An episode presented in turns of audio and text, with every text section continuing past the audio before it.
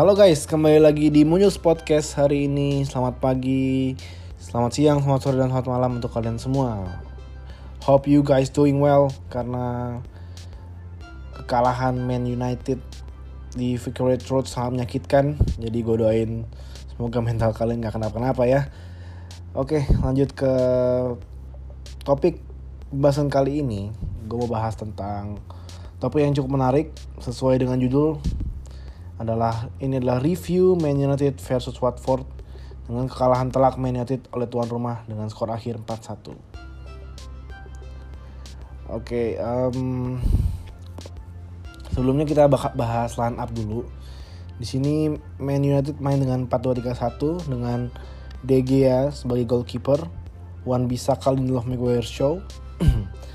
Terus midfieldnya ada Matic dan McTominay, Sancho, Bruno Rashford sama Ronaldo striker. Sedangkan Watford main 4-5-1 dengan Ben Foster, terus 4 back di belakang ada Femenia, Chachard, Nkolu sama Masina, terus 5 gelandang Sar, Cleverly, Sisoko, Luza, dan Dennis dan satu striker tunggal yaitu Joshua King. Terus kalau kita bahas statistik ya, um, kita bahas statistik. Sebelumnya kita bahas pemain yang main diganti ya. Um, menit 45 itu MU melakukan dua pergantian pemain sekaligus yaitu McTominay masuk eh Van de Beek sorry Van de Beek masuk menggantikan McTominay Martial masuk menggantikan Rashford menit 45 sedangkan menit 91 Lingard masuk menggantikan Sancho. Sedangkan di kubu Watford uh, terus Ekong masuk menggantikan Nkulu sebagai back. Terus juga ada um, Malangsar yang cedera digantikan dengan Hernandez. Terus juga Louza digantikan oleh Joao Pedro. Lalu kita ke statistik. Sekarang statistik MU lawan Watford. Ball possession emang Man United menang ya 61% dibanding 39% untuk Watford. Terus juga total pas itu MU juga menang 553 passing berbanding 335 passing untuk Watford. Sudah, uh, complete pasnya MU 442 dan Watford 224 ini cukup menarik ya. 442 224 Terus juga total shotsnya uh, eh, MU ada 9 dan Watford ini uniknya Watford 20 um, sangat-sangat berbanding jauh ya dengan status Man sebagai tim besar melawan tim yang bisa dibilang tim promosi ya karena Watford musim lalu masih main di Championship dan baru musim ini dia promosi ke Premier League tapi dia berhasil uh, sorry Watford berhasil menghasilkan 20 shots terus on target MU ada 3 off target ada 5 sedangkan Watford on target ada 7 dan off target ada 6 blocked shots MU 1 Watford 7 banyak juga sebenarnya um, block shotnya Watford Terus juga ada touch in opponent's box. Ini MU 20 sedangkan Watford 35. Watford cukup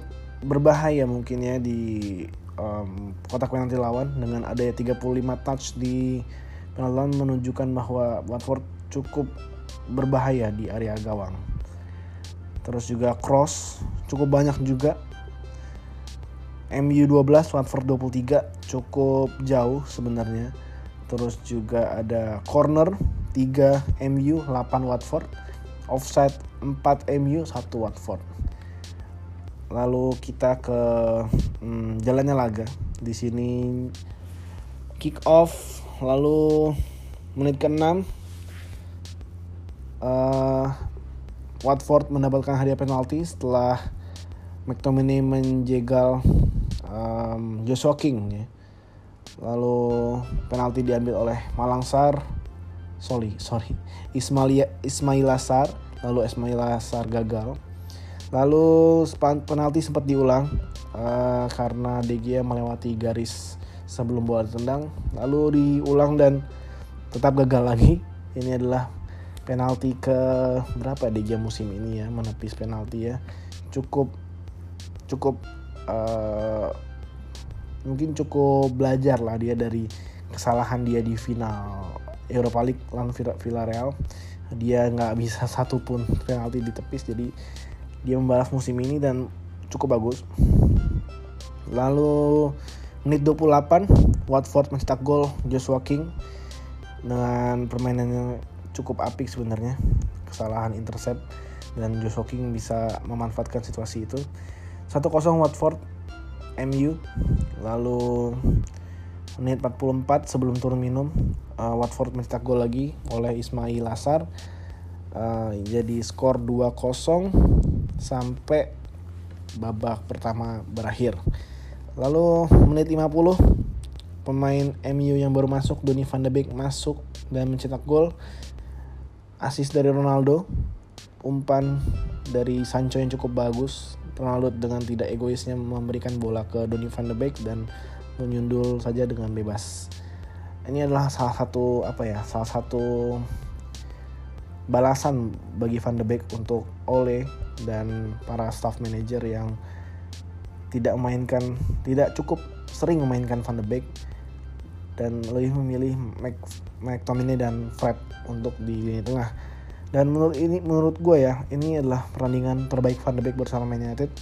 Dia mencetak gol dan juga dia mencetak banyak kipas sangat sangat sangat baik. Dia deserve deserve banget match-match kayak gini. Terus ada bencana buat MU menit 69 di mana sang kapten Harry Maguire melakukan um, blunder di mana dia terlalu lama megang bola dan bola terebut dan dia harus harus menekel sebagai last man tackle jadinya ya kartu merah. Jadi sebenarnya ini second yellow card tapi ya sama saja. Toh kalau misalnya dia nggak dapat yellow card sebelumnya tetap red card sih karena dia orang terakhir dan dia langsung uh, eh, gue agak lupa siapa yang berlangsung yang yang ngambil bola itu langsung berhadapan dengan kiper dan itu bisa bahaya banget.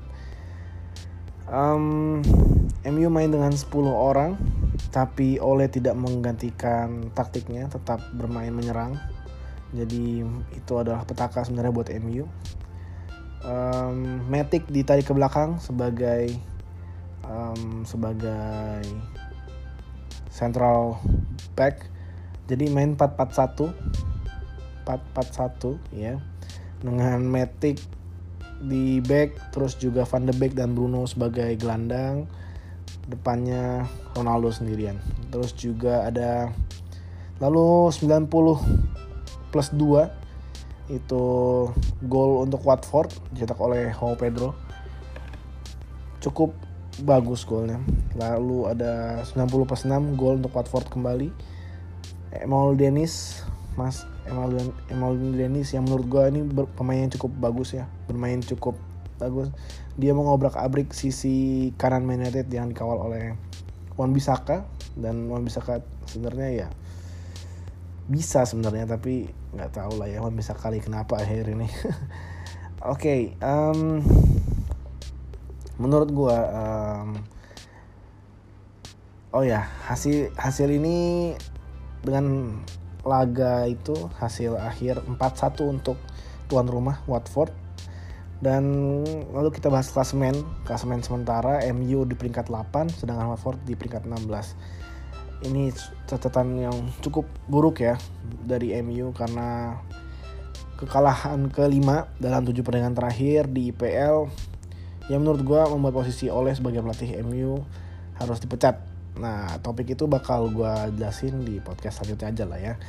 Oke, okay, um, menurut gue um, man of the match di match kali ini adalah um, untuk MU ya. Menurut gue bakal jadi Van de Beek karena dia bermain cukup bagus di babak kedua. Walaupun dikasih 45 menit tapi dia membuktikan beberapa kipas-kipasnya.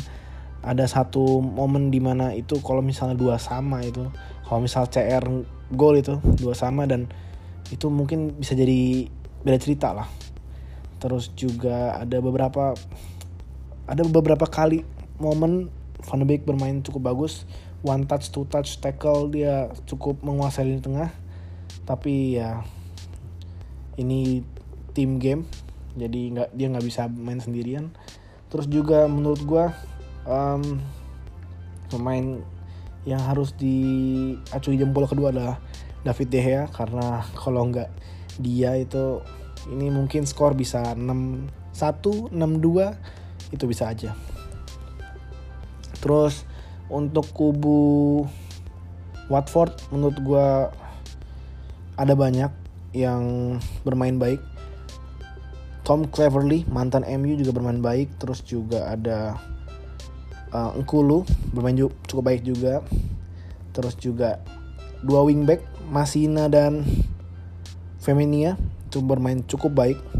Terus juga ada ini pemain kurang ajar nih pemain Wow Pedro dia masuk langsung golin tuh uh, udahlah ya terus juga Joshua King juga bermain cukup baik terus um, ya menurut gue itu aja untuk uh, episode kali ini Well, sekian episode kali ini. Semoga kalian enjoy sama podcast ini. Jangan lupa follow podcast ini di Spotify Munyux Podcast dan juga Instagramnya Munyux underscore podcast.